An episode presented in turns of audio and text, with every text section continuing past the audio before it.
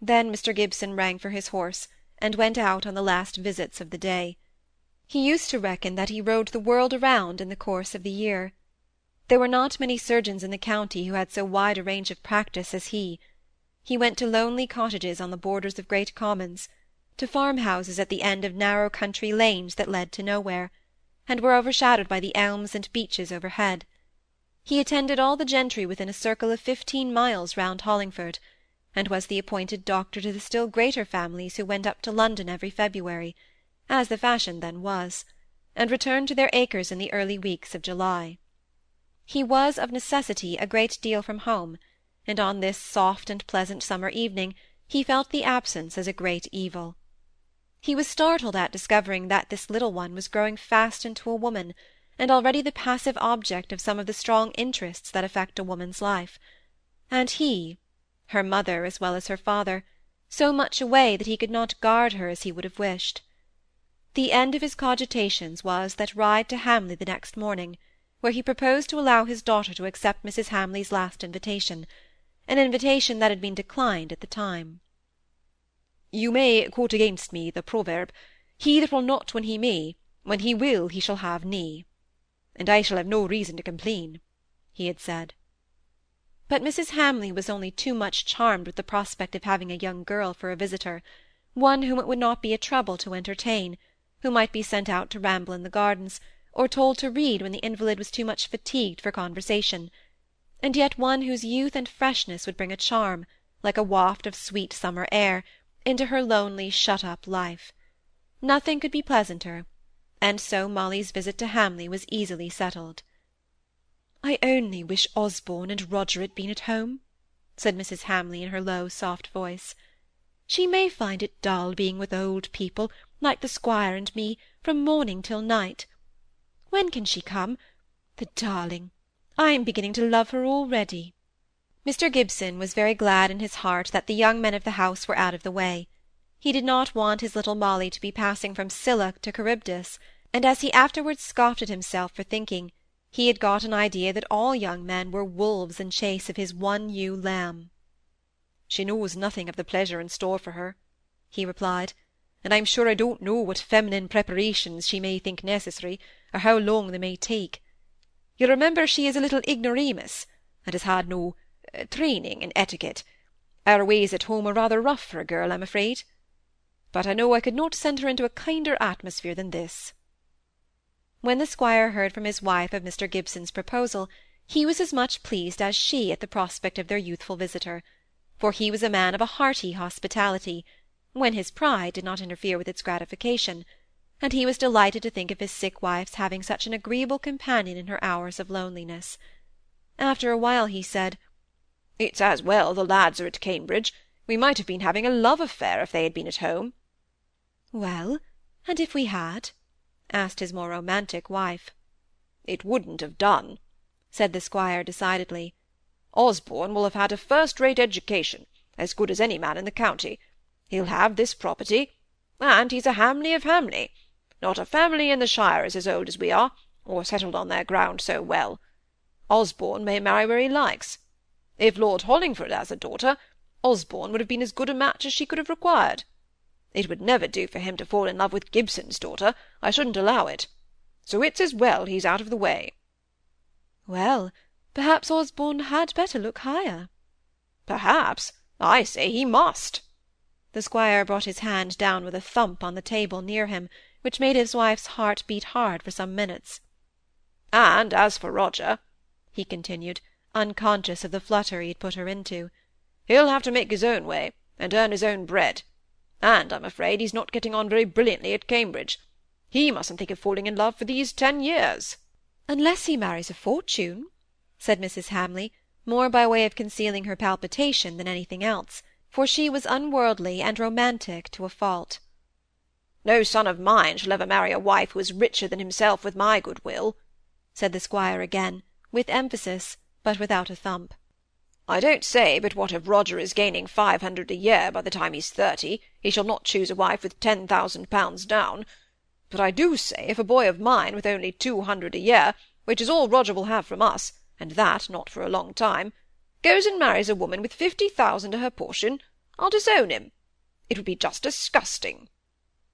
Not if they loved each other, and their whole happiness depended upon their marrying each other, put in Mrs. Hamley mildly. Pooh! Away with love! Nay, my dear, we loved each other so dearly we should never have been happy with any one else. But that's a different thing. People aren't like what they were when we were young. All the love nowadays is just silly fancy and sentimental romance, as far as I can see. Mr. Gibson thought that he had settled everything about Molly's going to Hamley before he spoke to her about it, which he did not do until the morning of the day on which Mrs. Hamley expected her. Then he said, Uh, "By the way, Molly, you're to go to Hamley this afternoon. Mrs. Hamley wants you to go to her for a week or two, and it suits me capitally that you should accept her invitation just now." "Go to Hamley? This afternoon? Papa, you've got some odd reason at the back of your head, some mystery or something.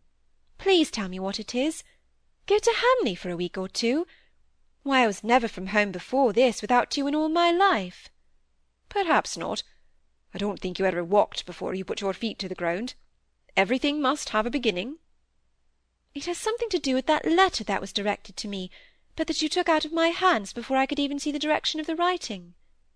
She fixed her grey eyes on her father's face, as if she meant to pluck out his secret.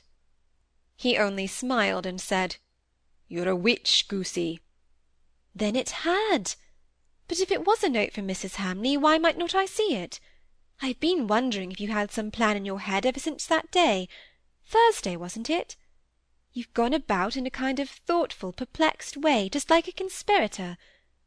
Tell me, papa coming up to him and putting on a beseeching manner. Why mightn't I see that note? And why am I to go to Hamley all on a sudden? Don't you like to go? Would you rather not? If she had said that she did not want to go, he would have been rather pleased than otherwise, although it would have put him into a great perplexity. But he was beginning to dread the parting from her even for so short a time. However, she replied directly, I don't know. I dare say I shall like it when I have thought a little more about it. Just now I'm so startled by the suddenness of the affair, I haven't considered whether I shall like it or not. I shan't like going away from you, I know.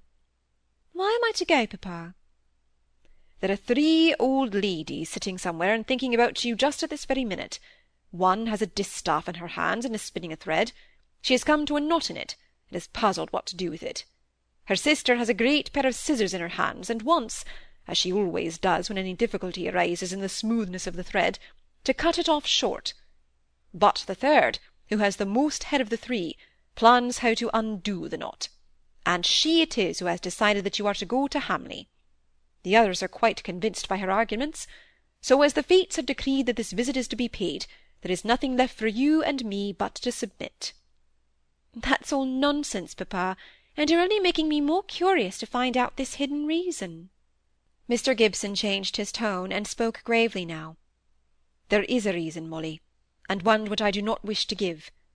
When I tell you this much, I expect you to be an honourable girl, and to try and not even conjecture what the reason may be, much less endeavour to put little discoveries together, till very likely you may find out what I want to conceal. Papa, I won't even think about your reason again.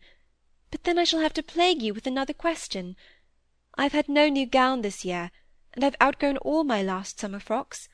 I've only three that I can wear at all. Betty was saying only yesterday that I ought to have some more. That'll do that you have got on, won't it? It's a very pretty colour. Yes, but, papa, holding it out as if she was going to dance, it's made of woollen, and so hot and heavy, and every day it will be getting warmer. I wish girls could dress like boys, said Mr. Gibson with a little impatience. How is a man to know what his daughter wants clothes? And how is he to rig her out when he finds it out, just when she needs them most and hasn't got them? Ah, that's the question, said Molly in some despair. Can't you go to Miss Rose's? Doesn't she keep ready-made frocks for girls of your age? Miss Rose? I never had anything from her in my life, replied Molly in some surprise, for Miss Rose was the great dressmaker and milliner of the little town, and hitherto Betty had made the girls' frocks. Well, but it seems people consider you as a young woman now, and so I suppose you must run up milliners' bills like the rest of your kind. Not that you're to get anything anywhere that you can't pay for down in ready money. Here's a ten-pound note. Go to Miss Rose's or Miss Anybody's, and get what you want at once. The Hamley carriage is to come for you at two, and anything that isn't quite ready can easily be sent by their cart on Saturday, when some of their people always come to market. Nay, don't thank me. I don't want to have the money spent, and I don't want you to go and leave me. I shall miss you, you know. It's only hard necessity that drives me to send you a visiting, and to throw away ten pounds on your clothes. There, go away. You're a plague, and I mean to leave off loving you as fast as I can. Papa, holding up her fingers in a warning, you're getting mysterious again, and though my honourableness is very strong, I won't promise that it shall not yield to my curiosity if you go on hinting at untold secrets. Go away and spend your ten pounds. What did I give it you for but to keep you quiet? Miss Rose's ready-made resources and Molly's taste combined did not arrive at a very great success. She bought a lilac print because it would wash, and would be cool and pleasant for the mornings, and this Betty could make at home before Saturday. And for high days and holidays, by which was understood afternoons and Sundays, Miss Rose persuaded her to order a gay-coloured flimsy plaid silk, which she assured her was quite the latest fashion in London, and which Molly thought would please her father's Scotch blood. But when he saw the scrap which she had brought home as a pattern, he cried out that the plaid belonged to no clan in existence, and that Molly ought to have known this by instinct. It was too late to change it, however, for Miss Rose had promised to cut the dress out as soon as Molly left her shop. Mr Gibson had hung about the town all the morning instead of going away in his usual distant rides. He passed his daughter once or twice in the street, but he did not cross over when he was on the opposite side, only gave her a look or a nod, and went on his way, scolding himself for his weakness in feeling so much pain at the thought of her absence for a fortnight or so. And after all, thought he, I'm only where I was when she comes back. At least, if that foolish fellow goes on with his imaginating fancy, she'll have to come back some time, and if he chooses to imagine himself constant, there's still the devil to pay. Presently he began to hum the air out of the Beggar's Opera. I wonder any man alive should ever rear a daughter.